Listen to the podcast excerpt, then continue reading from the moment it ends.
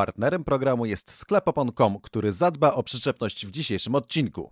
Idealną oponę dla swojego auta znajdziesz na stronie naszego partnera. Link w opisie.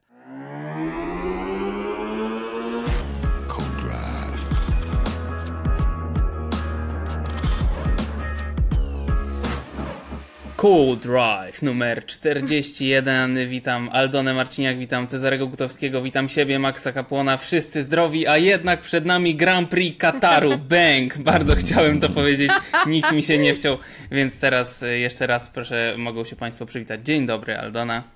Dzień dobry. I dzień dobry, Czarku. E, Dobry, dobry. E, Dobry, dobry. Dzisiaj odcinek jest napakowany jak e, kabanos, tak? Tak się mówi. Porozmawiamy o wojnie w Formule 1. Porozmawiamy o człowieku, który krzyczy nie kochacie mnie, bo jestem z Meksyku. Porozmawiamy sobie o tym, czy AI zastąpi sędziów. No i porozmawiamy sobie o wspomnianym już niezwykle oryginalnie Grand Prix Kataru. E, Ale zanim przejdziemy jeszcze do tematów, to chciałem, drodzy widzowie, powiedzieć o takiej jednej rzeczy. E, Lato już mija, zbliża się wielkimi krokami jesień i zima. Pewnie pójdziecie sobie kupić jakieś nowe buty na deszcz, na śnieg.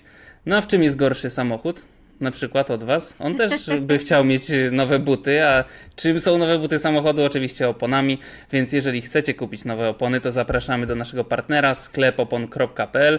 E, W opisie znajdziecie i w, e, na Spotify'u i na YouTubie link e, do sklepu. Zachęcamy. A teraz przechodzimy do propsów i disów za Grand Prix Japonii na rozgrzewkę. Pan Cezary Gutowski, props za Grand Prix Japonii. Słucham. Eee, fu. Jeśli chodzi o propsy, to wydaje mi się, że znaczy jest kilku kandydatów, ale wybór powinien być względnie prosty, więc ja dam e, Lawsonowi propsa. E, Pójdę na twiznę, dlatego że e, jeszcze dlatego, że jest dla mnie żenujące, że przedłużono kontrakt z Tsunodą, znaczy co było do przewidzenia, ale jednak podczas gdy Lawsonowi się mówi, że nie ma gwarancji na fotel w sezonie 2025, ciągle nie mogę tego przeżyć, podczas gdy on po prostu robi mega robotę. I jak spojrzymy sobie na całą ciągłość jego wyników, to no fakt Tsunoda nie wystartował we Włoszech, bo mu walnął silnik, ale to chyba na swoje szczęście, bo byłby pokonany 4-0 w wyścigach, a tak jest y, pokonany 3-0 w wyścigach i to po prostu nie powinno mieć miejsca na żadnym etapie. To po prostu może raz przypadkiem Lawson powinien być przed Tsunodą na mecie, ale tak się nie dzieje.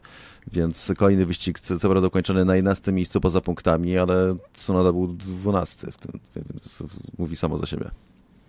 E, Dobrze, teraz ja przejmuję pałeczkę. Ode mnie props dla Maxa Verstappena, czyli Jej. według Czarka mnie, chociaż nie, przepraszam, w ostatnim e, F1 vlogu, kiedy zapowiadał Codrive, zrobił krótką pauzę, przemyślał, kto prowadzi i powiedział, że jednak ja. Max Verstappen, e, pokaz siły, e, no można powiedzieć, że Red Bulla, chociaż nie całego, że tak zerknę w, na drugi garaż, e, ale Max Verstappen miał pokazać, że to był wypadek przy pracy, Singapur, no to pokazał. E, Aldona, props. Lando Norris. mm, Lando Norris y, drugi na mecie, o wiele szybszy w tempie wyścigowym od y, Oscara Piastriego i to jest chłopak, o którym będziemy mówić dużo w najbliższym czasie. Będziemy mówić także w tym Codrajwie, bo jeżeli kogoś y, może się obawiać Red Bull, tak tyci tyci, tak odrobinkę obawiać, no to właśnie McLarena teraz. To ciekawe, że Piastri w ogóle nie dostał żadnego propsa. Pierwszy raz No, na podium. Za mało propsów. No oczywiście, dodatkowego propsa zdecydowanie. Honorowego. No. Tak, honorowy props. E, no to teraz disy, Czarku.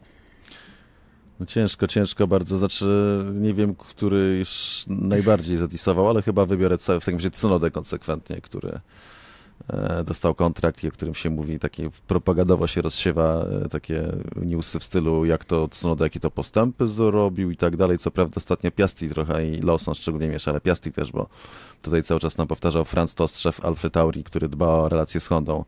Jak to przecież kierowcy potrzebują trzech sezonów, żeby coś pokazać. I, to, i tak też o Miku Schumacherze tak mówię, no podpinając się pod terytorykę. To są bzdury. Dobry kierowca potrafi wszystko pokazać, co ma do zaoferowania w pierwszym sezonie. Tak jak Fernando Alonso, kiedy jeździł pierwszy sezon w Minardi, czyli w najgorszej ekipie Formuły 1. Nie wiem, czy punkt zdobył w tamtym sezo- sezonie. A i tak było wiadomo, że jest super utalentowany. To samo do- dotyczy wszystkich kierowców i na tej samej zasadzie wiemy, że Tsunoda nie jest super utalentowany, jest ogórem i e, po raz kolejny dał się e, pokonać Lawsonowi wyścigu, a to de facto jeszcze nie byłoby takie, powiedzmy, aż takie e, disogenne, gdyby nie fakt, że potem e, opowiadał je z frustracją w oczach i w głosie, jak to zespół nie ten, nie pozwolił, nie, nie kazał Lawsonowi, żeby go puścił. wyścigu, że miał przetempo i że ten... E, no dobrze, to ode mnie dis y, dla Sergio Pereza, który konsekwentnie niszczy swój pomnik biednego chłopca niszczonego przez y, wszystkich w Red Bullu, do czego jeszcze wrócimy na pewno, ale no cóż, łobuzerki ciąg dalszy. E, to, co pokazuje na to, że y, te swoje dosyć agresywne manewry, e, to myślę, że już nawet jego fani lekko się drapią po głowie, co też król ulicy wyrabia. Słucham. Chciałem powiedzieć, że też y, charakterystyczne co do Pereza i na to warto zwrócić uwagę, e, nie wiem, czy słuchacze i widzowie zwrócili, że jak bardzo szybko się zmieniła retoryka, jeśli chodzi o Pereza, że z punktu wyjścia takiej ofiary, tego uciśnionego w tym Red Bullu, który to stawia wszystko na tego niedobrego Maxa Verstappena, nagle w dwa wyścigi bardzo dużo głosów, że no, łącznie z tym, co mówiliśmy też chyba w programie, prawda, że są za niskie kary na przykład i to na podstawie mhm. wszystkich rzeczy, które głównie wyczyniał Sergio Perez na torze. E, I w dwa wyścigi, potem co zrobił w Singapurze i teraz ostatnio potem co wyprawiał e, w Japonii, nagle z tego właśnie, z tej ofiary i wspaniałego faceta e, zamienia się po prostu w kolesia, którego się krytykuje i całkiem słusznie. Aldono. Logan e, Sargent, nasz Ojej. E, amerykański sierżant na posterunku kolejnych e, uszkodzeń, kolejne wypadki, problemy. Um, aż mi się nie chce wierzyć, że paszport znaczy tak dużo. I mówię to w kontekście już tych słów późniejszych, tej obrony Jamesa Vausa, e, Logana Sargenta. Dziwię się, że, że tak za nim stoją, że dają mu tyle, tyle oddechu, bo to nie powinno mieć miejsca. Ale to, to, chyba nie słuchałaś. Oni mówią, że do czasu, aż wypada z toru, idzie mu świetnie. Po prostu. A, no tak, tak, tak. To, po... Je głupia ja, no. Oczywiście, że idzie mu świetnie. Nie, nie, absolutnie nie jesteś Aldona głupia. Wiele o tobie można rzeczy powiedzieć, ale nie to. Na pewno nie to. Przechodzimy w takim razie do reszty tematów na dziś, a pierwszy to wojna w Formule 1. I często, tak miałem wrażenie, jak się przygotowywałem do tego podcastu, że często padały takie słowa, że tu wojna, wojenka, starcie na szczycie, ale teraz naprawdę zanosi się na to, że może być e, wojna e, z ofiarami. Kto będzie tymi hmm. ofiarami, to się jeszcze okaże. E, krótkie wprowadzenie. FIA zaakceptowała jedenasty zespół, byłby to Andretti Cadillac, e, amerykański, no chyba można tak powiedzieć, tak, amerykański. General Motors Cadillac Andretti, ciężko być bardziej amerykańskim niż ten zespół. E, natomiast zespoły Formuły 1 i Liberty Media mogą lekko kręcić swoimi e, nosami na dołączenia, mogą, kręcą E, nie chcą 11 zespołu, chcą tych sponsorów, ale żeby nie przychodzili z Andretti, tylko żeby przychodzili e, do nich. Aldona, czy będą tutaj w tym starciu ofiary? No to słuchajcie, zacznijmy od tego, e, jak to wyglądało od strony formalnej. W lutym cztery zespoły e, złożyły aplikacje, w lutym otworzono te aplikacje. E, złożyło Andretti, złożył Hightech, złożyło Lucky Sun i Rodin Cars, e, które oferowało kobietę w swoim składzie, więc to było to. Siedem miesięcy trwało w sumie rozpatrzenie tych czterech aplikacji. No i Problem polega na tym, i to jest też poniekąd problem formalny, że w momencie, w którym Mohamed Ben Sulayem w ogóle otworzył e, Formułę 1 na nowe zespoły, to zostały stworzone kryteria. No i teraz w momencie, w którym trzymasz się tych kryteriów, to Formuła 1 e, FIA, wróć, FIA, jako związek sportowy działający tutaj, działający zgodnie też e, no, z przepisami Unii Europejskiej, nie bardzo mógł sobie pozwolić na to, żeby komuś odmówić, co jest zgodne z tym, co zawsze było w planie e, Mohameda Ben Sulayema, czyli wprowadzenie tego 11 zespołu. A więc te aplikacje były oceniane, to były wielkie aplikacje po 600 stron, bardzo szczegółowe, dotyczące i sportowych możliwości, technicznych możliwości, dotyczących tego, jak zgromadzisz swoje finanse, te trzy rzeczy musieli udowodnić i e, nawet czwartą e, związaną z ekologią, w jaki sposób chcesz działać w ramach zrównoważonego rozwoju, to też był jeden z argumentów. No i wreszcie argument e, pozytywnego społecznego wpływu w momencie, w którym awansujesz do Formuły 1. No i co się okazało? W momencie, w którym FIA, Międzynarodowa Federacja Samochodowa, daje ci kryteria, dostaje aplikację i okazuje się, że któryś zespół te kryteria spełnia, to oni nie mogą odmówić. E, po pierwsze nie chcą, po drugie nie mogą. E, no i nie odmówili. E, natomiast w tej chwili to przechodzi w ręce FOMU, w ręce Formuły 1, w ręce tych, którzy się zajmują sprawami komercyjnymi i tutaj zaczyna się druga dyskusja, więc tych wszystkich, którzy mówią, to już jest przesądzone, 11 zespół dołącza do Formuły 1, my dzisiaj mówimy hold your horses, to, co na razie wiemy, to to, że Andretti przeszedł dwa etapy mm, tej e, aplikacji i teraz wchodzi w trzecią fazę, a ta trzecia faza nie jest już w rękach Międzynarodowej Federacji Samochodowej i tu się zaczyna ta polityczna wojna, o której pewnie chętnie opowie Cezary.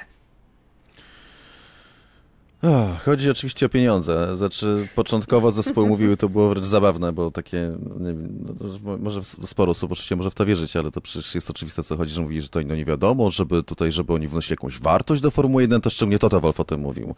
I że to jakby do, równali do poziomu w sporcie, w którym jeżdżą takie ekipy jak Haas, czyli ze sportem ma niewiele wspólnego, jest to po prostu zespół o podejściu loserów czy e, Alfa Romeo Sauber, która też ma podejście totalnie luzerskie. E, stawienie takich warunków e, takiemu nazwisku jak Andretti, amerykańskiemu byłemu kierowcy wyścigowemu i właścicielowi wielu zespołów wyścigowych. Znaczy, to jest Andretti Group, ale generalnie w wielu seriach no, było nie na miejscu, ale wtedy Andretti ich zaszachował po prostu wprowadzając do układu General Motors, cały wielki koncern i markę Cadillac. Czyli to już było po prostu po czymś takim, nie można było już gadać głupot, że to nie wiadomo, czy będą wiarygodni i tak dalej. Potem już po prostu, no sorry, ale ich zaszachował. Więc wtedy zaczęli mówić już oficjalnie, że chodzi tak naprawdę o ten podział pieniędzy.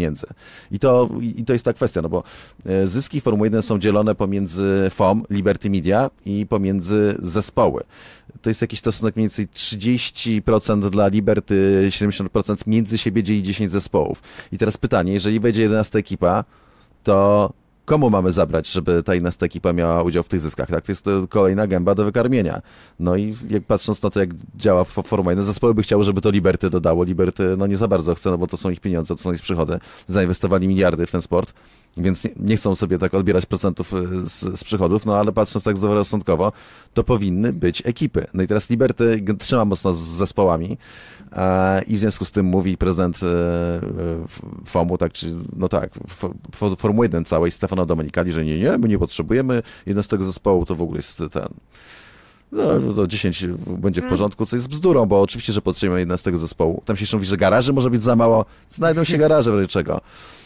Podtrzymuje prawie 11 zespołów, dlatego że będzie 22 kierowców. O tym mówimy od dłuższego czasu i to, będzie, to jest w interesie całej Formuły 1 jako sportu i kibiców, żeby były 22 samochody. Więc oni oczywiście absolutnie tak jak udają, że wszystko dla nas, dla kibiców robią to jakieś akcje seszelowe, pierdolety, wygłupy, to za, za pół darmo to sobie można dawać, ale kiedy chodzi o kwestię prawdziwą, czyli właśnie zwiększenie atrakcyjności poprzez dopuszczenie dodatkowych kierowców i dodatkowego zespołu, to już się nie liczy wówczas dobro widzów i dobro sportu. I to jest tylko tak wygląda.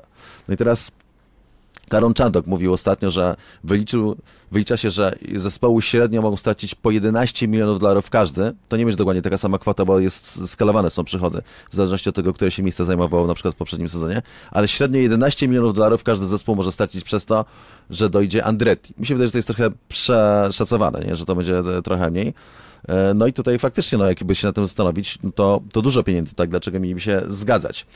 E, natomiast zanim oni wdrożyli procedurę jako organizacja, podpisując umowę całą taką, jak ma działać Formuła 1 do 2025 roku, że nowy zespół może wejść, jeżeli każdej z ekip wypłaci po 20 milionów dolarów za dośćuczynienia, takiego haraczu, mówiąc w skrócie, co wydawało się wtedy bardzo dużo, no ale teraz jak Formuła 1 w ciągu kilku lat tak jakby wybuchła i zrobiła się taka super ultra popularna i jeszcze więcej wali sponsorów drzwiami jak nami, coraz większa oglądalność, no to w tym momencie oni uważają, że to już jest za mało. I mówi się, że mają zwiększyć to do 600 milionów dolarów, sęk w tym, czyli po 60 milionów dolarów każdy zespół miałby zostać. Sęk w tym, że dopiero od 2026 roku, bo wtedy się zaczyna nowy cykl tej umowy całej, która wszystko zwiera. Concord Agreement to się nazywa. No i ostatecznie się rozbija o te pieniądze, natomiast to, to, to, coś jeszcze, o czym się tak dużo nie mówi, co sam wspomniałeś, no moim zdaniem najbardziej to też im zależy e, na, na tym, żeby wszyscy ci sponsorzy, których zabrał e, Andretti, żeby przysz, przyszli do zespołów, które teraz są Formuły bo do to są dopiero duże pieniądze, jeszcze większe. Więc wszystko jest takie, było ubierane na początku w taką ideową kanwę, tutaj o, nie wiadomo, czy nie będą profesjonalni, czy tutaj Formuła na tym nie straci wizerunkowo i tego to było pierdolety, e, a kończy się na tym, że po prostu chodzi o, o, o to, żeby nie było dodatkowej mordki do wykarmienia. Natomiast wiecie, to jest, y, to jest bardzo, bardzo ciekawe i no, nigdzie nie jest powiedziane, że Andretti faktycznie do Formuły 1 e, trafi, bo cały czas Formuła 1 może postawić weto. Sama reakcja na to oświadczenie FIA mówi sama za siebie. To jest e, reakcja e, słownie jednozdaniowa i to jedno zdanie brzmi: e, przyjmujemy do wiadomości ustalenia e, FIA i oświadczenie FIA dotyczące pierwszej i drugiej fazy aplik- procesu aplikacji i teraz my em, przeprowadzimy nasze własne, e, naszą własną ocenę, czy ten aplikant, e, pozostały, tak, czy ta pozostała aplikacja, ta jedyna, która pozostała, czyli Andretego, jest uzasadniona, więc e, No, to jest takie delikatnie mówiąc e, chłodne przyjęcie, natomiast no też e, F1 będzie musiała znaleźć dobre powody do tego, żeby nie przyjąć Andretiego. E, Fajnie to skomentował Gary Anderson w The Race, bo mówi, że teraz okaże się, kto tak naprawdę rządzi Formułą 1. E, Czy A? FIA, czy, czy jednak Liberty. Mm, Znaczy, o, to ciekawe. Myślę, że Liberty rządzi, tak samo jak wcześniej rządził Formułą 1 Bernie Ecclestone. Rządzi Formułą 1 ten, kto e, jakby obraca pieniędzmi, prawda? Ten, kto wykłożył na nią kasę i ten, kto teraz tę kasę zgarnia. Natomiast cały czas no, FIA po prostu ma jakąś tam swoją rolę, taką jest to ciało takie powiedzmy, że zarządzające, taki policjant trochę Formuły 1. Yy, I też to, to było ciekawe, że właśnie ta dyskusja Andretim to był też przejaw takiego tarcia między FIA i Liberty. I Liberty była bardzo niepocieszona, że FIA w ogóle to pozwala sobie, żeby dopuścić, żeby ten e, przetarg ogłosić. Na co FIA mówi, że no zaraz, zaraz, to jest wszystko zgodne ze statutem, my nie, nie, po prostu jesteśmy to jest organizacja teoretycznie non-profit, prawda, która nie, ma nie zarabiać na Formule 1 i to jest nasz obowiązek, że z, z, zgodnie z, tak, ze statutem i całej Formuły 1 po prostu mamy obowiązek taki, jak się pojawia kwestia, taki przetarg e, ogłosić, więc nie udało się rękami FIA wmanewrować FIA w to, żeby, bo to mogło się w sądzie skończyć i, i nadal może.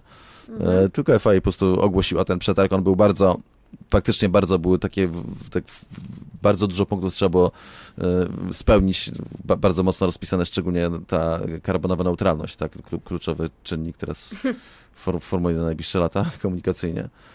I Andretti to wszystko spełnił. E, Co więcej, Andretti to jest znaczy, aż z nadmiarem spełnia te warunki. De facto, jeżeli chodzi o takie rzeczy jak wiarygodność Formuły 1, czy to jest właściwy aplikant, tego typu pierdole te, i te niłych wątpliwości z tyłka wyciągnięte, to po prostu jest jakaś bzdura. To trudno sobie wyobrazić jakikolwiek bardziej e, e, rzeczowy team prywatny, który mógłby chcieć wejść do Formuły 1, szczególnie teraz z Cadillaciem. Jeszcze jedna rzecz trzeba wyjaśnić, bo było, były pytania, widziałem pod materiałem na TikToku, że co z Audi? No Audi już jest potwierdzone, Audi, tylko że Audi weszło inną drogą. Audi kupiło zespół Saubera, udziały e, większościowe. Więc Saubera, który teraz się nazywa Alfa Romeo, od przyszłego roku się nie będzie nazywał Alfa Romeo, od 2026 roku ma się nazywać Audi i ma być fabryczną ekipą Audi, natomiast to było, była trochę inna droga. Co ciekawe, Andretti miał prawie już załatwione, że kupi tego Saubera, ale w ostatniej chwili e, wycofali się Sauber ze sprzedaży zespołu i okazało się wkrótce potem, że po prostu poszli w deal z Audi. No i jeszcze ostatnie zdanie już zamykając to wszystko, więc y, teraz czekamy i znowu nie wiadomo ile będziemy czekać, ale parę miesięcy to może potrwać, na to jak y, Formuła 1 oceni Andrettiego, no i oni teraz muszą y, sprawdzić, czy ten nowy zespół faktycznie sprawi, że wzrośnie wartość sportu i czy będzie mm, zapewniony jego rozwój. No i mm, to są tak mgliste rzeczy, że słuchajcie, wszystko można pod to podpiąć w obie strony. Ale trzeba to będzie dobrze uzasadnić, bo tak jak mówi Cezary, tutaj już e, sprawa może się rozbić też o sądy cywilne w pewnym momencie. To faktycznie brzmi zabawnie, patrząc, że w stawce jest has. Ja teraz już jestem hejterem hasa. Krótka droga, kochani. E, I takie zarzuty się stawia Andrettiemu. No dobrze, z jednego ognistego tematu przechodzimy w drugi. To jest cytat Perez. Media mnie nie kochają, bo jestem z Meksyku. To jest delikatnie, no dobrze, może to nie był cytat, to była moja interpretacja. Perez powiedział tak. Weźmy Russella, który uderzył w ścianę w Singapurze. Gdyby był z Meksyku, larum podniesione przez media byłoby znacznie większe, a teraz nikt już o tym nie mówi. Tak to działa w F1. Uważam, że sposób w jaki jestem atakowany ostatnio przez media wynika również z mojej narodowości. Bardzo mocne słowa. Jestem ciekawy, czy padłyby, gdyby nie zapalnik od doktora Helmuta Marko kilka tygodni wcześniej. Oczywiście Perez powiedział, że nie, że on to rozumie, że on wie, jaki Helmut Marko jest i wie, że czasem w nawiasie powiedział, że, e, że chlapie na prawo i lewo swoim jęzorem. Mm, No ale e, Czarku, czy to jest e, uzasadnione? Czy, czy twoim zdaniem Perez obrywa od mediów, również polskich, niezależnych, YouTube'owych, e, dlatego że jest z Meksyku. Czy gdyby był z innego kraju, to byłbyś łagodniejszy? Wiadomo, że Meksykanie to naród, który jest bardzo nielubiany na całym świecie, prawda? Jest taki ten. Zagranie kartą rasizmu w tych czasach, kiedy to jest bardzo, bardzo modne. Eee... Znaczy, powiem tak, z jednej strony go rozumiem. To samo mówił Fernando Alonso, że e, jest inaczej traktowany i chodzi o, o, o media brytyjskie głównie, anglojęzyczne, ale Brytyjczyków przede wszystkim, bo oni nagrywają taką narrację międzynarodową po prostu że inaczej traktują swoich kierowców, a inaczej niż swoich, a szczególnie właśnie mówiły tam o, o sobie. I miał absolutną rację, bo tak jest. No, to jest coś, na co wyczulam moich czytelników i widzów od, od bardzo dawna żeby sobie zdawali sprawę, że to propaganda i że no, no, jest przedstawienie świata bardzo tak jednopłaszczyznowo i że po prostu powinniśmy, nie mając pretensji, bo to oni to robią, ok, mogą robić, co im się podoba, to jednak, żeby patrzeć ponad to, tak, żeby się nie nabierać na te wszystkie ich manipulacji, w skrócie, medialne, tak, że brytyjscy kierowcy zawsze są zajebiści i nigdy nie popełniają błędów, a szczególnie Louis. Chyba, że się przyzna, to wtedy, o, jaki Louis jest niesamowity, bo się do błędów przyznaje. Jako jedyny kierowca na świecie się przyznaje do błędów. Oczywiście i tego typu pierdolete latają. E, a inaczej się traktuje e, kierowców z zagranicy i to jest, e, to jest fakt. Eee, dość zabawne, biorąc pod uwagę, jak Wielka Brytania i Brytyjczycy tacy się robią taki, na takich bardzo poprawnych, prawda, i tutaj jak idą na przedzie tych narodów, które tak mają te, teraz reparacje chcą wypłacać e, za niewolnictwo. Pierwszy, drugi kraj na świecie, który zniósł niewolnictwo, bo tam wcześniej, nie pamiętam, to był chyba Dania albo, albo Norwegia, w każdym razie, e, a potem Wielka Brytania, jakieś największe, największe E, osiągnięcia, jeśli chodzi o tę kulturę właśnie wycofaniu i, i, oni teraz idą w tym kierunku. I teraz oni idą te, jakby na czele tej forpoczty, tej, tej rewolucji, tolerancji i, i multikulturowości, a jednak, a jednak yy, traktują inaczej, prawda, przedstawicieli innych narodowości. I ta uwaga co do Russella też jest słuszna. To jest tak samo jak Williams w 2019 roku, no przecież gdyby to nie był team brytyjski, to on był to przez nich zajechany. To media brytyjskie by jakby prowadziły Y, jestem przekonany, jakby całą ofensywę na temat tego, że zespół taki jak ten nie ma miejsca w Formule 1, że to jest niebezpieczne nawet, że takie gówno jeździ po, po torze zamiast bolidu Formuły 1.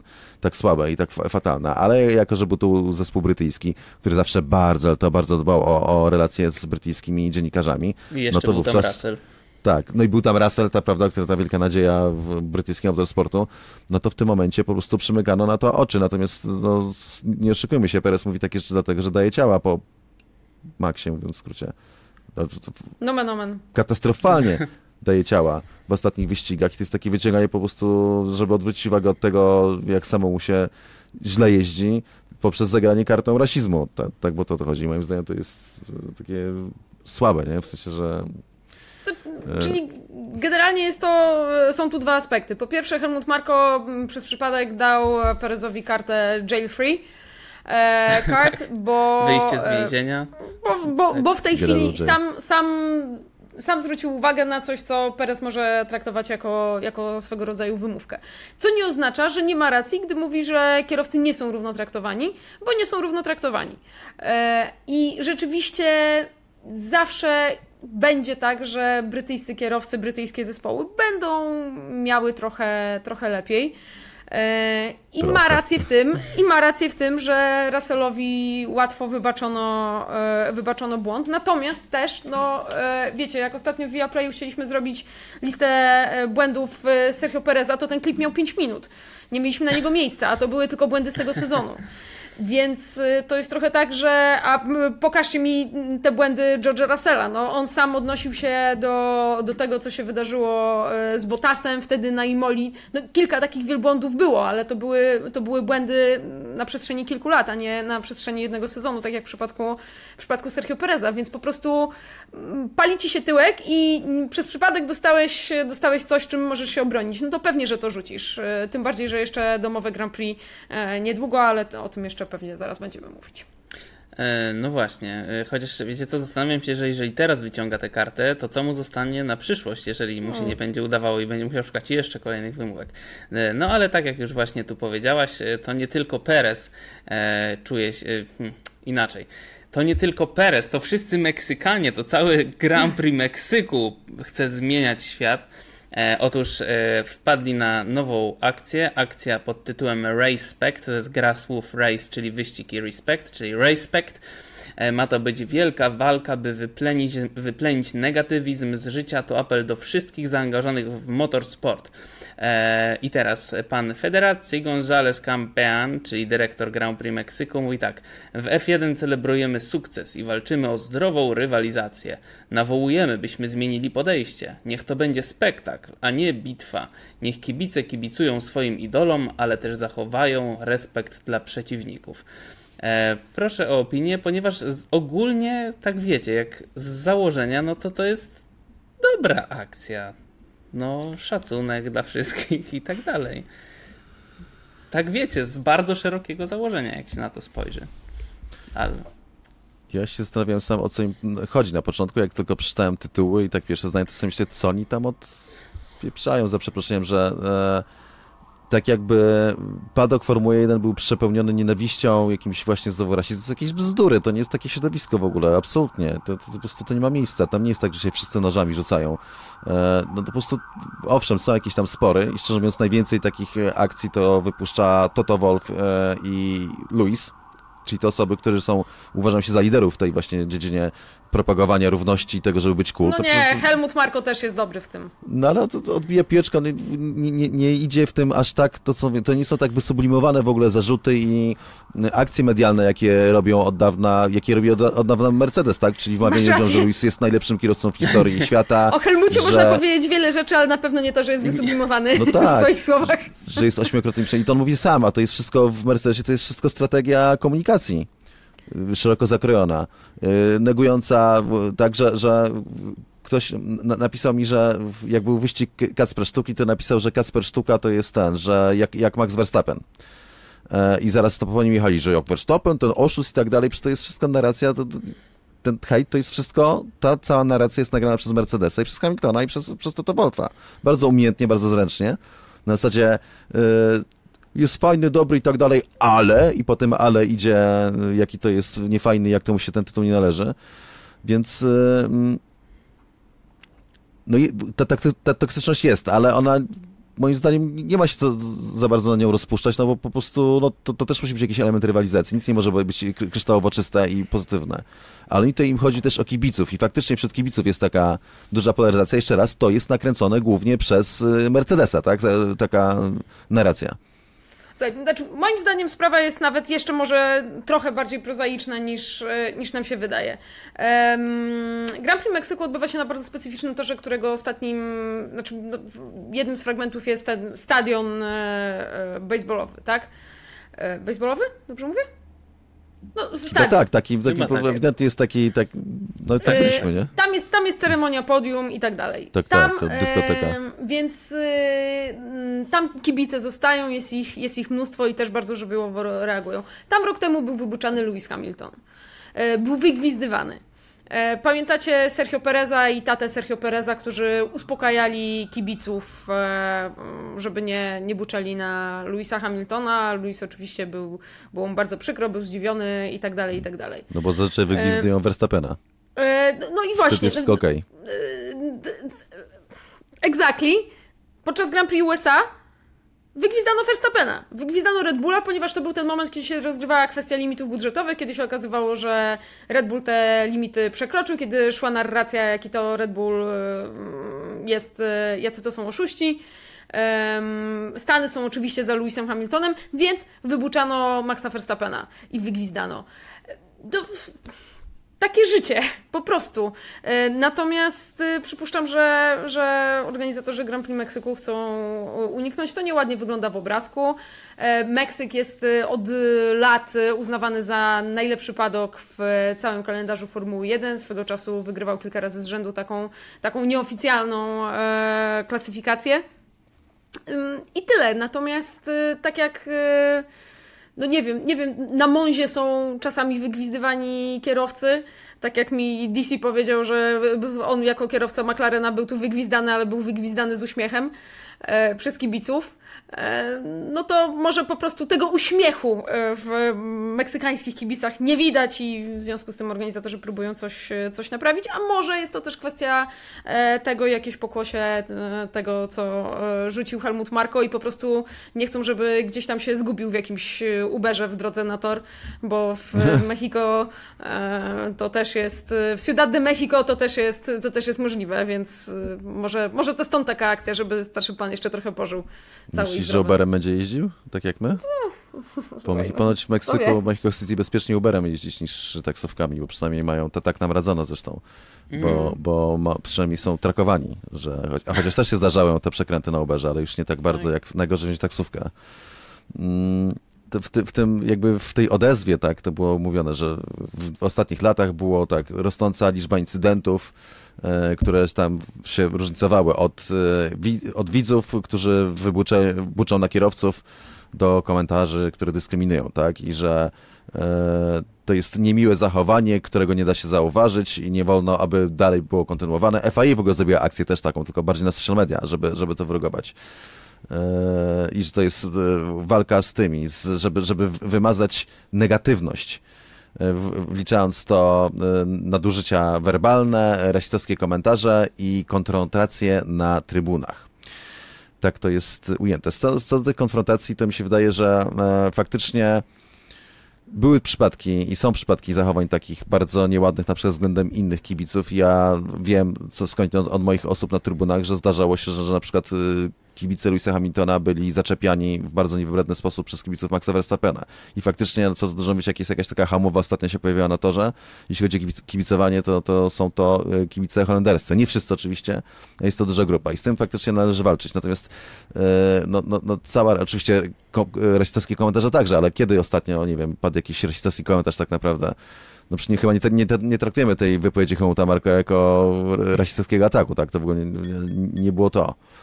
E, więc, e, no ale okej, okay, no też w jakim to świetle pokazuje Formuła 1, jakby to było środowisko, w którym są sami rasiści, e, proponuje same, ca, tylko negatywność i na wszystkich się tylko buczy i się wszyscy ze sobą biją, nie? To, to takie trochę, no, bez przesady. Mi się wydaje, że nie trzeba, żeby się wpisać po prostu w, taką, w taki trend obecny, trend też bardzo Formuły 1, trend amerykański, a przecież Formuła 1 tak należy do Amerykanów i że po prostu chcą być tacy trochę święci święci od papieża i o ile rozumiem, że faktycznie pewne rzeczy należy tutaj reagować, ale to, jak to, negatywność wyreagować całą, że co, że wszyscy mamy się trzymać za ręce na świecie i udawać, że wszystko jest zawsze pięknie?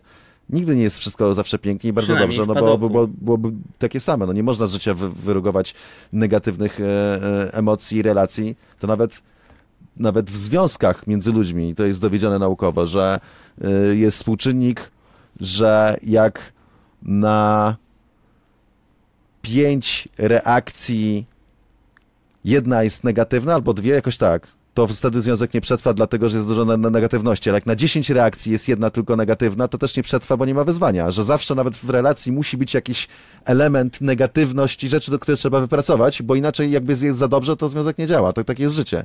Więc wyrugowanie wszystkich ne negatywnych emocji, taka idea cała, no to jest jakiś absurd, to jest utopia. One są potrzebne, te negatywne emocje, tylko oczywiście no, nie mogą mieć jakby formy czy to rasistowskiej, czy ataków fizycznych. Natomiast no kurde, no, buczenie na kierowcy, którego się, za którym się nie przepada, moim zdaniem, no to już bez przesady przesady, to nie jest nic aż tak strasznego. Chociaż George Russell to w ogóle bardzo tego nie lubi i mówi, jak był w szoku, kiedy pierwszy raz go wybuczano. No sorry, no jesteś sportowcem e, z najwyższej półki i musisz się liczyć z tym, że niektórzy będą na ciebie buczeć i chyba nie jest aż tak straszne. E, dobrze, drodzy widzowie, piszcie, czy chcecie, żeby w Kodrawie pojawił się na stałe moment, w którym będziemy dawać porady związkowe. E, to, było, to, to, to był taki trailer. E, proszę się wypowiedzieć, wiecie, chcieliśmy sprawdzić, czy wam się spodoba, czy nie. Można o Grand Prix Meksyku mówić różne rzeczy, ostatecznie i tak mają najlepszą czołówkę i tym wygrywają i tym się wyróżniają i wyróżniać się będą. E, do Hamiltona, który chce naprawiać cały świat, e, przechodzimy teraz i odbijamy się, już był wspominany. Otóż Lewis Hamilton jest niezadowolony z pracy sędziów. E, to wszystko się zaczęło od tej kary dla Maxa Verstappena, której nie było po zderzeniu, po tam incydencie, nie zderzeniu, incydencie z Yukim Tsunodą, kiedy to Tsunoda nawet nie przyszedł. W dużym skrócie Hamilton powiedział tak: Przepisy w tym temacie nie zmieniły się od wieków. Może powinniśmy sprawdzić, jak sztuczna inteligencja by sobie z nimi poradziła.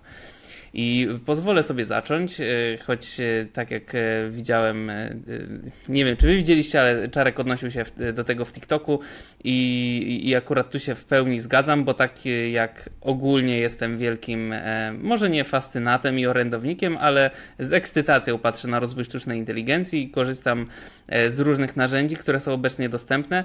Tak, tutaj no, ciężko jest oceniać coś, co nie jest zero-jedynkowe, a mało jest takich rzeczy nie zero-jedynkowych jak właśnie sytuacje sporne w sporcie. Sztuczna inteligencja może sobie doskonale poradzić w sytuacji, w której ma absolutnie pełen zakres danych i e, jedynymi odpowiedziami jest tak lub nie.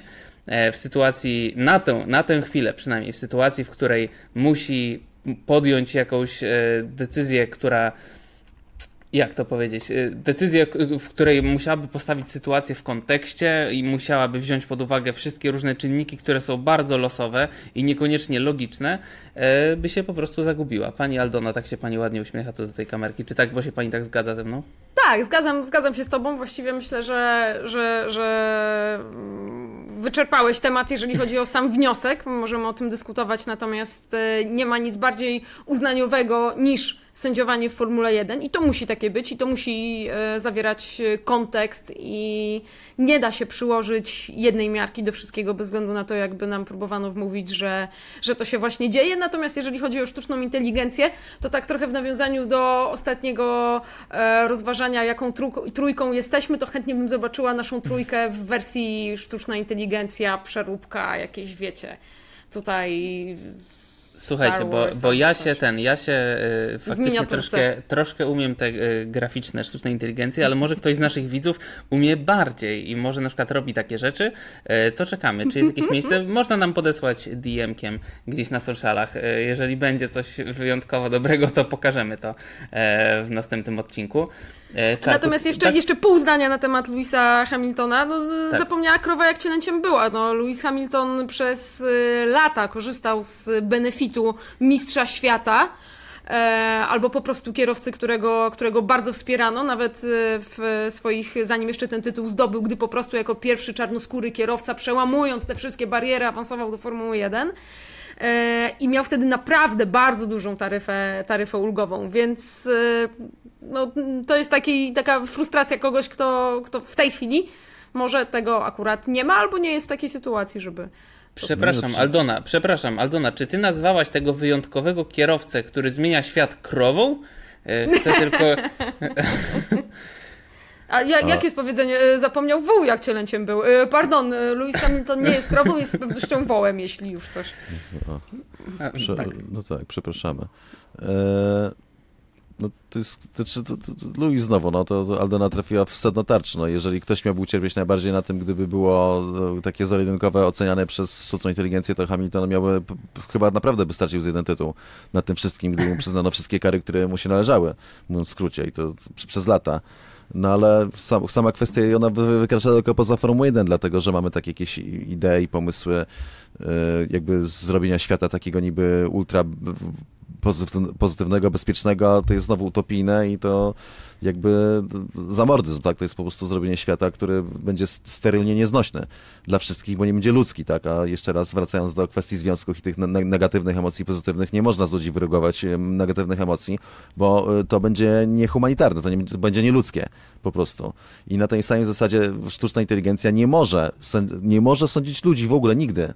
To jest niedopuszczalne, dlatego że sztuczna inteligencja nigdy nie będzie wiedziała, co to znaczy mieć życie, co to znaczy mieć, nie wiem, urodzić się, co to znaczy mieć ręce, nogi, co to znaczy, że, że ci coś zaboli, co to znaczy się wypierdzielić, tak? Jak, jako dziecko uczy się na własnych błędach, co to znaczy mieć słabości, co to znaczy, nie wiem, mieć gorszy dzień i tak dalej. Po prostu nie będzie miała pojęcia, jak to działa. Będzie tylko wymierzała takie surowe e, od linijki e, werdykty i co więcej, e, no, gdybyśmy, bo są osoby, które są fanami takich rozwiązań, tak jak Louis Hamilton, moim zdaniem jest to absolutnie nieprzemyślane, bo im się wydaje, że są tacy aroganccy, że im się wydaje, że oni to są tacy zajebiści, że oni to żadnego przepisu nie łamią. Więc po pierwsze są w błędzie, bo przepisy są tak sformułowane, że wszyscy dosłownie, wszyscy łamiemy przepisy i za- zasady. Nie da się w, w, przy, przy obecnym działaniu kodeksów prawnych żadnego przepisu nigdy nie złamać. Raz, a dwa, jak nam się wydaje, że my jesteśmy tacy super i że wszystko robimy po linijkę, to jeszcze mamy krewnych na przykład którzy być może nie są tacy super jak my. Więc jest to taki przejaw narcyzmu, takiej skrajnej arogancji i braku zrozumienia, czym jest w ogóle bycie człowiekiem, człowieczeństwo. Więc absolutnie jakby jakiekolwiek pomysły, żeby sztuczna inteligencja oceniała nas, ludzi, sądziła, są e, nie do zaakceptowania. Nie? To jest jedna z rzeczy, na które nie wolno się zgodzić. Coś jeszcze? Ktoś chce dodać w tym temacie? Czy nie? Dobrze. Miniaturka AI, to jest moje, Miniaturka to jest AI, moje na to przesłanie. Tak jest. E, Zanim przejdziemy jeszcze do Grand Prix Kataru, e, to może krótko o rozchwytywanym Lando Norrisie i McLarenie, który już się stara zabezpieczać. E, Na razie Lando Norris ma umowę do 2025 roku. E, Andrea Stella potwierdza, że rozmowy są z nim e, prowadzone. E, Swoją drogą widziałem ostatnio taki bardzo fajny mem, taki wiecie, wykres okrągły, że życie McLarena w sezonie. Budują traktor, starają się, żeby traktor jechał trochę szybciej, zmiany zaczynają e, działać, traktor leci i w następnym sezonie znowu budują traktor i tak dalej, i tak w kółko. E, Andrea Stella mówi tak, jesteśmy zadowoleni z kierunku, w jakim idą rozmowy z e, Lando Norrisem. Chcemy pokazać Lando, jaki bolid możemy dla niego przygotować. Nie chcę mu składać obietnic bez pokrycia, że uda się zrobić to i to, a potem tego nie zrobimy. Ale nie chcemy też przekupywać ludźmi pieniędzy, ludzi pieniędzmi. Chodzi o to, że nie chcą go po prostu chyba zasypywać po prostu hajsem. Chcemy, by jeździli z nami kierowcy, którzy wierzą w McLarena, w drogę, w którą e, idziemy, w stronę, w którą idziemy. E, no i cóż, czy myślicie, że jest jakiś zespół, który by nie chciał Lando Norrisa? Tak zadam pytanie. Mercedes, bo mają teraz dwóch najlepszych kierowców Hmm. świata. No tak. No, że, że, żartuję z tym. E, no, Lando jest teraz takim. To jest ciekawe, bo on jeszcze nie jest sprawdzony do końca. Natomiast. No i point exactly. kiedy tak, Luis został pokonany przez Verstappena, znaczy niektórzy stwierdzą, że przez sędziego, ale jednak moim zdaniem wszystko wskazuje na to, że jednak przez Maxa Verstappena. E, Perez nie sięga mu do pięt. E, Leclerc zawodził po całości, to miał być ten, ten kolejny super talent. Fernando Alonso nie znajdzie raczej miejsca w żadnym zespole, który pozwoli mu na wygrywanie, chyba że tym zespołem stanie się Aston Martin, w co nie wierzę, że to się stanie tak, w tak krótkim czasie. No to jedynym takim kierowcą, na którego się patrzy, że on może być tym, który będzie w stanie Maxa pokonać, to jest na dzień dobry Lando Norris. I teraz przecież mówi się o tym, że może nawet przejść do Red Bulla i startować u boku e, Verstappena.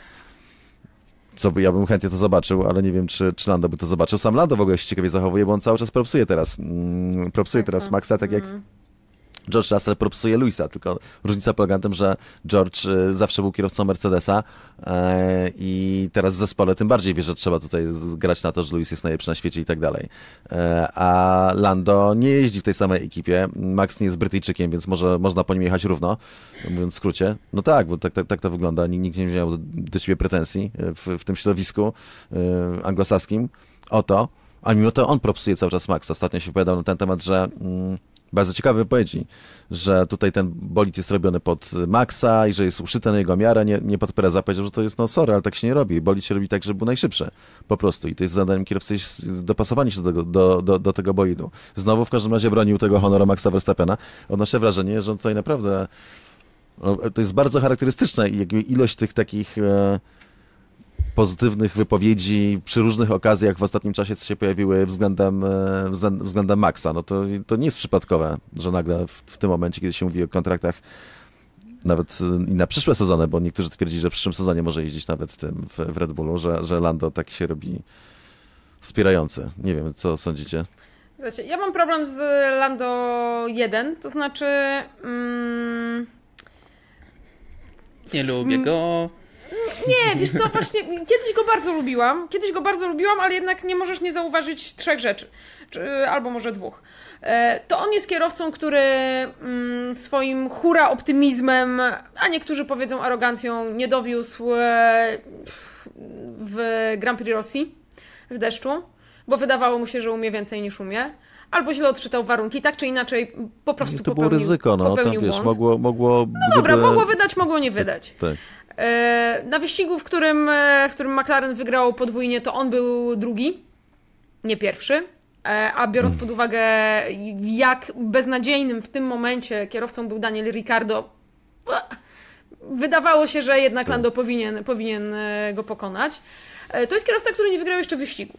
I to jest kierowca, który miał e, jeden bardzo trudny okres próby na początku tego sezonu i moim zdaniem w tym trudnym okresie próby się nie sprawdził. To znaczy, jeśli on mówi, że e, robotą kierowcy jest jechać e, tym, co dostanie, bo to też trochę wynikało z tej jego wypowiedzi na temat samochodu Maxa. Jeżeli McLaren mówi, że że my szukamy kogoś, kto, kto jest nam oddany i wierzy w ten projekt. I ja po tym, co się działo na początku tego sezonu, mam wrażenie, że Lando jest kibicem sukcesu.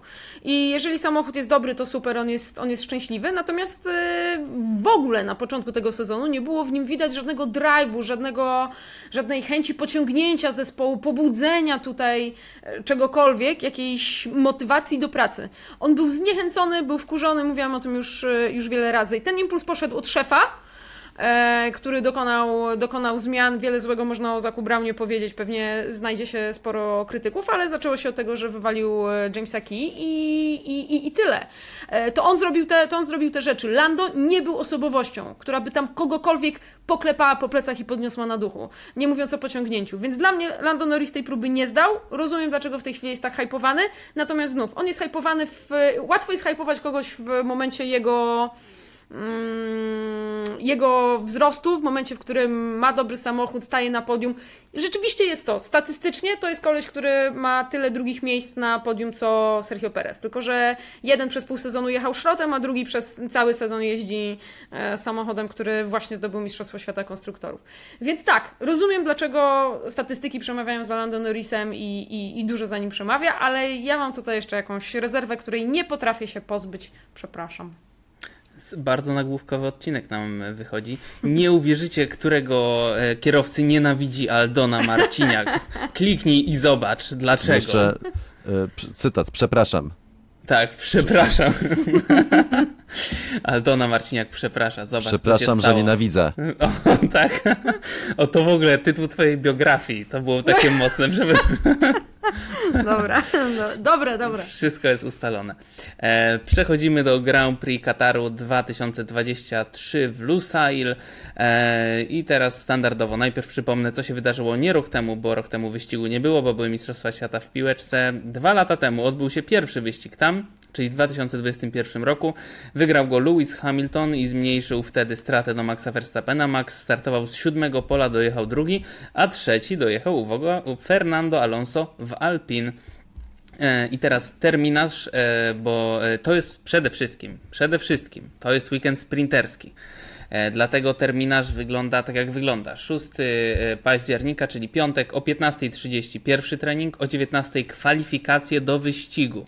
W sobotę o 15.00 kwalifikacje do sprintu, o 19.30 sprint i w niedzielę o 19.00 wyścig nie znoszę tych weekendów sprinterskich, po prostu nie, naprawdę. W ogóle mi ta zmiana nie podchodzi, mówiąc szczerze. E, mamy tu trochę tematów dotyczących e, Grand Prix Kataru, ale zaczniemy od tego, że Max Verstappen może zostać w ten weekend mistrzem świata. Nawet nie musi czekać do wyścigu, wystarczy, że zdobędzie 3 punkty w sprincie, co jest wielce prawdopodobne. E, no ale to już chyba rozmawialiśmy, nie? Że tak w sobotę zdobywać tytuł. To już, to już może da innym pozdobywać punkty i, i dojedzie w niedzielę.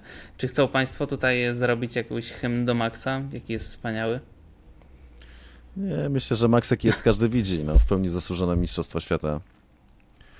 Eee, Red Bull jest najlepszym zespołem, ma najlepszy bolid, ale nie do tego stopnia, jak przez lata miał Mercedes i moim zdaniem to ba bardzo widać, szczególnie po tym, jak Perez jeździ, że że jest to mistrzostwo, no, że po prostu na poziomie fenomenalnym. Nie, nie sobie, kiedy ostatnio widziałem kierowcę, który był, był aż tak kompletny we wszystkim, aż tak szybki, aż tak ostry i po prostu nie, bezbłędny, tak? Znaczy, błędy się zdarzają każdemu, tak? To, to, to normalne, ale bez żadnych większych konsekwencji. No, po prostu maszyna.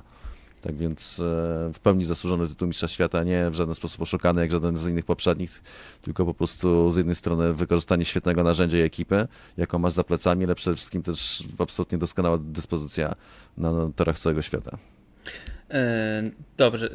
Chce pani, Aldona, chcesz coś dopowiedzieć? Nie, tylko tyle, że szóste miejsce w sprincie i w sobotę świętujemy tytuł. Nie byłby to pierwszy raz. Kiedy tytuł byłby świętowany w sobotę. Mi trochę dziwnie, ale w Katarze i tak e, trudno jakieś szczególne rozrywki. Chyba, chociaż e, teraz e, mam wrażenie, że pojedziemy do zupełnie nowego miejsca Cezary, zupełnie innego Tak. niż to, które pamiętamy sprzed dwóch lat, no ale o tym za chwilę. Tak, e, cały weekend będzie stał pod znakiem słowa zmiany, bo będą zmiany, zmiany, zmiany. Po pierwsze to, co Aldona powiedziałaś, Lusail, czyli jedno z najnowocześniejszych miast świata, przygotowane specjalnie przed e, Mistrzostwami Świata w piłce nożnej w Katarze. E, Rozmawialiśmy sobie tutaj jeszcze przed podcastem, że czekam na Wasze recenzje z klimatyzowanych chodników. Jestem bardzo ciekawy, jakie to uczucie, będę dopytywał. Ale już na samym torze, przede wszystkim, albo nie, zacznę od tych mniej ważnych rzeczy. Po pierwsze, zamontowano 85 ekranów na torze. E, Po drugie, jest 180 tysięcy metrów kwadratowych zieleni wokół toru. E, Do tego 52 tysiące miejsca dla fanów e, i to może nie wydaje się dużo, ale w 2021 roku tych miejsc było 8 tysięcy, więc ta zmiana jest e, potężna. No i zmienione pobocza w porozumieniu ze słynnym Hermanem Tilke, który projektuje tam różne tory na świecie. Zaprojektowano pobocze betonowe, ale z tego co czytałem to jest tak, że najpierw będzie taki odrobina gładkiego betonu, po czym będzie taki beton niegładki, gdzie kierowcy będą czuć, że już stamtąd trzeba uciekać. To jest bardzo ciekawe, ponieważ na tym torze jeżdżą e, motocykliści, em, są wyścigi e, MotoGP. E, jeździ Formuła 1, e, ale przede wszystkim e, z tego co czytałem, to jest to też tor, w którym e, można sobie wynająć i pojeździć sobie różnymi autami prywatnymi, powiedzmy, e, nie, nie ekstremalnymi. Więc to też było ważne, żeby do tego był przygotowany. No i na takie rozwiązanie wpadli. I teraz proszę mi opowiedzieć, ponieważ oboje, oboje byliście w 2021 roku i oboje będziecie w 2023 roku. Jak było i na co czekacie? Wiecie co, no ja się spodziewam kompletnie nowego doświadczenia i kompletnie nowego wyścigu. E, Wtedy to było tak, że Katar był oczywiście dokoptowany w tym sezonie mm, po-covidowym, wciąż trochę awaryjnie, w sezonie mocno niepełnym. E, Ja pamiętam e, ze swojej perspektywy, że to był taki pierwszy wyścig oddechu dla nas, bo to był pierwszy wyścig, w którym pozwolono nam robić stand-upy bez maseczki. Czyli cały czas nie mieliśmy wejścia do biura prasowego, cały czas, cały mm, czas spędzaliśmy w padoku na powietrzu, nie mogliśmy wejść do żadnych pomieszczeń, bo obowiązywały te bańki, ale przynajmniej i cały czas trzeba było mieć maski, ale przynajmniej jak się mówiło do widzów, to na ten moment mówienia do widzów pod warunkiem, że się nie ruszałeś, mogłeś zdjąć tę maseczkę. Więc ja ten katar wspominam jako taki, taki pierwszy oddech, jeżeli chodzi o sam, samą pracę w padoku. Natomiast ten padok był biedny, był po prostu mały, e, jakiś no, niski, nie był wąski, bo tam Obskurny miejsca jest dużo, potwornie. ale taki no, widać było, że to, jest, że to jest tor MotoGP, na którym Formuła 1 jest gościem, a nie tor Formuły 1. No i w tej chwili, z tego co rozumiem, wszystko ma się zmienić i przywitają nas tam złote klamki i nie wiadomo co jeszcze, przebudowane cały race control, przebudowane też e, stanowiska garażowe, 50 miejsc e, w mm, stanowiskach e, garażowych, przebudowane centrum prasowe, które tym razem w końcu zobaczę, więc, e, więc z tego się e, cieszę. Także kompletnie nowe doświadczenie. No i też e, nowe doświadczenie dla kierowców, no bo tak jak wspominałeś, e, to było, to było przeciąganie liny między FIA a FIM-em, bo FIA oczywiście chciała dla wyścigów e, samochodowych, dla Formuły 1, która, przypomnijmy, będzie tam przez 10 lat, to jest bardzo długi kontrakt do 32 roku, kontrakt o drugiej najwyższej Pokazuje 3, ponieważ tak, ponieważ e, Azerbejdżan płaci 57 milionów dolarów, a Arabia Saudyjska i właśnie Katar po 55 milionów dolarów. To jest e, top 3, jeżeli chodzi o koszty rocznej organizacji, więc to jest bardzo długi, e, długi kontrakt. W związku z tym było to przeciąganie liny, jak to ma wyglądać. Oczywiście FIA chciała żwirowych poboczy, na co nie chciało się zgodzić FIM ze względu na wyścigi MotoGP. No i są te betonowe płyty metr na 2 metry jako pewien kompromis. Zobaczymy jak to będzie, no bo te tarki, które tam w 2021 roku kierowcy zastali, to było, to było coś nie do pomyślenia. Po prostu to, jak to niszczyło opony, ile skrzydeł było zniszczonych wtedy przez, przez te tarki. No wiadomo było, że tak to zostać nie może. Proszę, Uf. Czarku. E, jeśli chodzi o to biuro prasowe, no to nic nie straciłaś, było to takie obskurne, było jeszcze gorsze niż na Imoli. Więc wyobraź sobie, co to musiało tam być, jeżeli było gorzej niż na Imoli. E, Raz mi wyniosłeś ciasteczko. Tak, no raz, no proszę, no, przynajmniej jedno. 50 kalorii. E, Tak. Sam się nie mogę doczekać, aż to zobaczę, bo faktycznie jak przyjechałem, byłem trochę zaskoczony, bo nie przypominałem sobie wcześniej toru Formuły 1, który byłby tak bardzo... E, nie wiem, to hyga była taka chyba, chyba, tylko że w hydze jeszcze jest czystość jakaś i, i rodzaj elegancji, tak? Natomiast no, tam była tylko i wyłącznie e, no, bardzo skromnie i do tego jeszcze, jak y, mówiłeś w tych 180 tysiącach metrów kwadratowych zieleni, to nie mogę się doczekać, bo wszystko tam naokoło było tak naprawdę takie szare, jak generalnie jak Katar, taki szary piach, e, jeszcze dużo takiego syfu, jakieś cegły leżące po bokach, trochę jak w Meksyku z kolei, tylko że w Meksyku przynajmniej jest zielono i tam co prawda jakieś studzienki obok porozkopywane, nie wiem czy pamiętasz jak byliśmy na też na spacerze O w Jezus, Mexico tak. City. No to w Katarze dość podobnie, tylko że to wszystko na piachu, więc ciekaw jestem, jak to będzie wyglądało nagle, że wszystko będzie takie piękne, rozświetlone, duże i zielone. To jest jeden z powodów, dla których chciałem pojechać do, do, no, jeszcze raz do Kataru i zobaczyć po prostu, jakie będą to zmiany. E, Sam tor, y, no taki motocyklowy po prostu, czyli nie za, nie za szeroki i pełen takich płynnych zakrętów, które sprawiają, że faworytem tam musi być Max Verstappen znowu e, i Red Bull, chyba że ten format sprintów, czyli tylko jeden trening, e, a potem już jazda na, bez trzymanki, że po prostu się zemści na Red Bullu, że nie znajdą dobrych ustawień bazowych, ale myślę, że musiał być naprawdę jakiś disaster, że przy tym typie konfiguracji toru po prostu Red Bull będzie miał ogromną przewagę, a szczególnie nosi zaś Red Bull Maxa Verstappena, bo wiecie, bo ten jest pod niego robiony. E, sam Katar y, mi się bardzo spodobał w Katarze. Z jednej strony to takie to centrum zabytkowe i na przykład to, co mi zachwyca, to te takie uliczki e, wewnętrzne z takimi kramikami, sklepikami, ciaśniejsze, szersze, e, kolorowe są te sklepy, bardzo fajne, du- dużo rzeczy fajnych, ciekawych do kupienia, e, a przede wszystkim te taczki poparkowane, że goście z taczkami, którzy po prostu są po to, żeby ci wo- wozić te zakupy. A tam też było targowisko takie, bo niektóre były zadaszone, niektóre nie zadaszone, te właśnie te ptasiarnia cała, że był taki jedna, sekcja, gdzie było pełno papug i innych ptaków. Do, do Zapomniałam, tak, wy, nie- nie- wyparłam to z pamięci, przypomniałeś mi właśnie. tak, tak, tak. No ale te wszystkim te taczki, one niesamowicie wy- wyglądają poparkowane. Z drugiej strony dużo takiej bardzo nowoczesnej architektury, bardzo imponującej, takiej, że wow, ale to, to tak jak w krajach arabskich. Gdybym był architektem e, o wielkich marzeniach i chciałbym, żeby moje projekty super były realizowane z największym rozmachem, to bym chciał pracować w krajach arabskich, typu albo Dubaj właśnie, czy Abu Zabi, e, czy Bahrain, czy właśnie Katar. Nie, Katar wygląda bardzo imponująco, więc teraz ciekaw jestem, jak, jak to będzie wyglądało po tym, po euro. Natomiast jedno, co wiem, to to, że no, nie, nie, ma, nie będę mógł się już położyć na chodniku po ciężkiej nocy, e, bo mnie ten e, przewieje, jak jest klimatyzowany, prawda? Wstanę rano z tym, z, e, zawiany. Po, po, oczywiście po Mistrzostwach Świata, nie po Euro, tak? Na szczęście A, tak, Euro tak, jeszcze to- nie to- gramy w Katarze, chociaż podejrzewam, że to parę lat i się nie mówiąc. kwestia czasu. Pierwszy wyścig w Azerbejdżanie nosił nazwę Grand Prix, Grand Prix Europy. Tak jest. No dobrze, ja już wspomniałem, że nie jestem wielkim fanem tych e, sprintu, weekendów sprinterskich, ale Carlos Sainz ma pomysł, jak mi ten weekend sprinterski umilić. Otóż e, wypowiedział się, że e, może w sprintach powinniśmy, powinna być odwrócona kolejność, czyli jeżeli w kwalifikacjach Verstappen był pierwszy, a Sargent ostatni, to startuje z pierwszego miejsca Sargent, a Verstappen z ostatniego.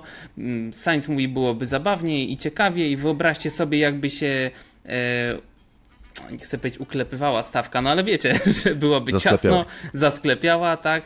E, co wy na ten temat sądzicie? I Czarku, e, powiedz też, bo Fernando Alonso też ma pomysł, jak usprawnić tutaj kwalifikacje, co prawda, ale czy widział? Bo ja na przykład totalnie bym chciał to zobaczyć. To by było No coś, tak. co by sprawiło, żebym usiadł do sprintu. Idea reverse grids, no to jest w różnych wyścigach jest już praktykowana. Na najbliżej Formuły 1 to Formuła 2. Moim zdaniem jest to sztuczne ściganie, ale jak się popatrzy na to, jak wygląda ten sezon, znaczy inaczej, moim zdaniem ten sezon jest ciekawszy niż y, się mówi, bo po prostu mało kto pamięta lata, kiedy dominował jeden zespół typu Mercedes, a za jego plecami też nic się nie działa. A teraz przynajmniej za Maxem Verstappenem mamy dużo akcji, naprawdę dużo akcji. Więc to jest, y, to, to jest jakiś tam bonus. Mm, Tak bardzo jak nie uważam, że reverse grids ma miejsce w Formule 1, tak samo jak balance of performance, czyli jakby wyważanie odgórne y, osiągów bolidów, tak jak Carlos o tym mówił, e, to mi się nawet trochę podobało, mówiąc w skrócie, ale no szczerze, no robimy z tego show i na siłę tak ro- ro- rozciągamy jak gumę od majtków te weekendy wyścigowe, to faktycznie niech chociaż z tego będzie jakieś takie jajo, niech z tego będzie jakiś taki dodatkowy show, więc ostatecznie skoro idziemy już w tym kierunku, to róbmy to konsekwentnie i ostatni, jak o tym powiedział Sainz, to nagle poczułem, że w sumie mógłbym to zobaczyć jak, jak się robią takie rzeczy.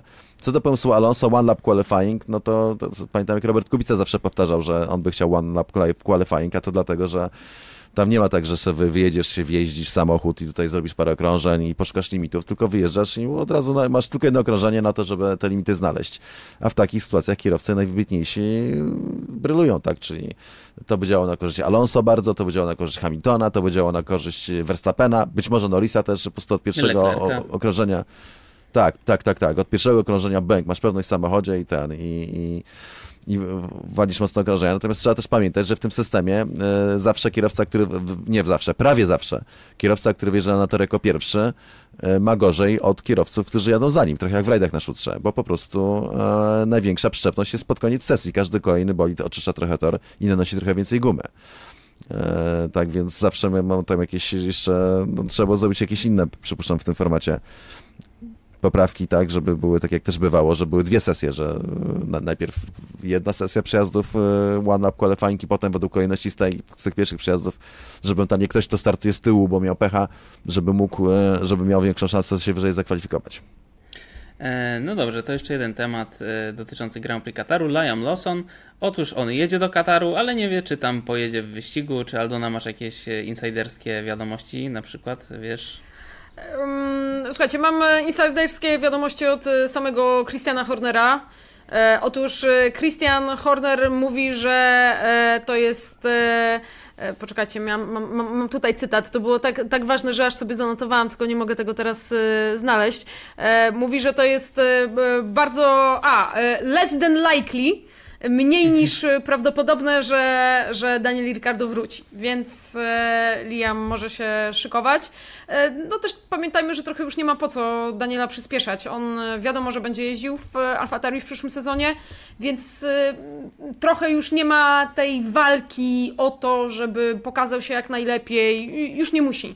Więc może dochodzić do zdrowia, to jest w tym momencie ważniejsze, więc moim zdaniem nie będą, nie będą cisnąć. Także less than likely powrót Daniela Ricciardo w Katarze, zdaniem Christiana Hornera na teraz. Niech się Ja mam nadzieję, że jeszcze Lawson dostanie kolejny przejazd i po raz kolejny Mm. Fajnie zaora by. Fajnie by było. Marciniak, fajnie by było, żeby ten młodziak zaorał Tsunodę. Dobrze, kolejny tytuł. E, to jeszcze bonusowy temacik na koniec, to co lubicie i kochacie, czyli Lewis Hamilton i jego ubrania. Otóż Lewis Hamilton został wybrany jako jedna ze 100 osób, które w 2023 roku dołączyły do Business of Fashion 500, czyli 500, czyli jest to lista ludzi i influencerów, którzy kształtują modę na świecie. I tutaj cytat. Lewis Hamilton uważany jest w świecie mody za trendsettera. Dzięki swojej pozycji w Formule 1 walczy o sprawy, które są dla niego, jak i dla świata ważne. E, No, myślę, że Proszę. to tak jak w Zlanderze było to potraktowane. No, wiadomo, że jakby moda jest ultra ważna dla całego świata, tam, że głodujące to Lewis Hamilton i tak wystąpił. dalej. Nie, jest, nie są tak wielkim problemem, natomiast faktycznie poprzez y, szerzenie prawda, mody i ubrań za milion dolarów za najbardziej śmieszny strój. y, Co jest złośliwość tak, przez no, ciebie przemawia, wiesz? klaune, klaunerski strój na, ten, na jakąś galę w, w Hollywood, to, to, to, to tak, to są wa- te ważne rzeczy. Są bzdury przecież, znaczy okej, rozumiem to i fajnie, moim zdaniem zasłużył sobie na to, już tyle ryzykownych założył kreacji e, Louis, że faktycznie musi być tym trendsetterem, czasami się ubiera lepiej, czasami no, ja bym pewnych rzeczy nie założył, czasami mi się kojarzy z Django po prostu, mówiąc w skrócie, w tym jego słynnym strojem błękitnym. E, natomiast no, w- wyciąganie to, tego jakieś, nie wiem, ale to znowu to jest ten świat mody taki totalnie próżny, totalnie oderwany od rzeczywistości, że stawianie mody jako czegoś, co naprawia chyba, świat, to ale jest po tam jakiś chyba nikt nie bzdura. stawia tego. To, to było chyba po prostu wytłumaczenie, dlaczego on jest wielką postacią. Tam nikt nie tłumaczy, że moda jest najważniejsza. Tak mi się wydaje, Wiesz że to co, był taki e, program e, Ali G Show i tam powstał e, ten cały dział Funky Side Meet Bruno, gdzie on grał takiego austriackiego dziennikarza od mody, Tak. e, ewidentnie geja, który chodził e, po tych pokazach mody i rozmawiał z tymi, z tymi projektantami na przykład. Więc ilość bzdur, jakie z nich wyciągał, typu, że ten, że te, też więc stwierdzenia z typu, że, że jakby poczucie mody to jest ważniejsze niż niż e, karmienie świata na przykład, albo że, że ludzie, którzy nie mają poczucia mody stylu, powinni być zamykani w obozach koncentracyjnych i tego typu rzeczy. Jakby wyciągał właśnie, to jest dokładnie to, co w, w, całą esencję tej próżności, jaka w tym świecie e, No, funkcjonuje, więc bardzo polecam te faki Zeit mit Bruno, bo to po prostu tak jest to eksponowane, że to jest przerażające.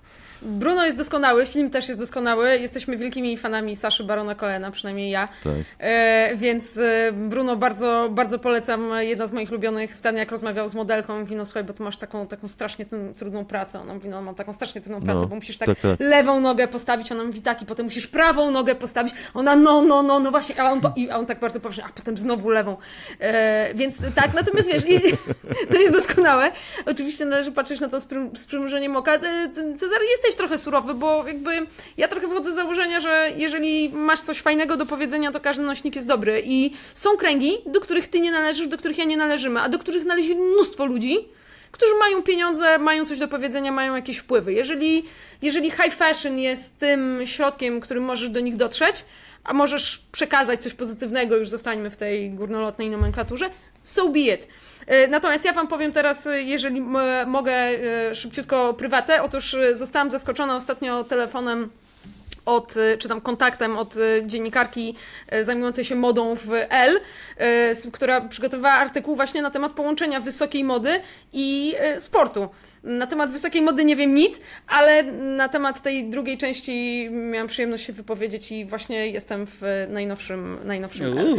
Ale e, Zachęcamy. wypowiadając się, nie widziałem jeszcze stroju Louisa Hamiltona z Grand Prix Japonii, więc, e, To- to więc teraz musimy- czuję, że To kupujcie i piszcie co ten, co uważacie o wywiadzie z Aldoną. Ja nie, to nie jest wywiad, to jest tylko taka, wiesz, seteczka. Opinia, dobrze. E, słuchajcie, podsumuję to tak. Tobie się, Czarku, wydaje, że po prostu wybrałeś tę białą koszulkę w sklepie, a ty ją wybrałeś, bo widziałeś w niej Louisa Hamiltona już kiedyś po prostu, bo on jest trendsetterem i, i tak to wygląda. Właśnie, a ty Maksiu, nawet nie mam dla ciebie z, z, smutną wiadomość. Ta koszulka nie jest biała. A, no, no, no. Zostawmy to. Dla, dla tych, co słuchają tylko podcastu, nie, bez obrazu jest biała i co? Teraz musicie wejść na YouTube'a.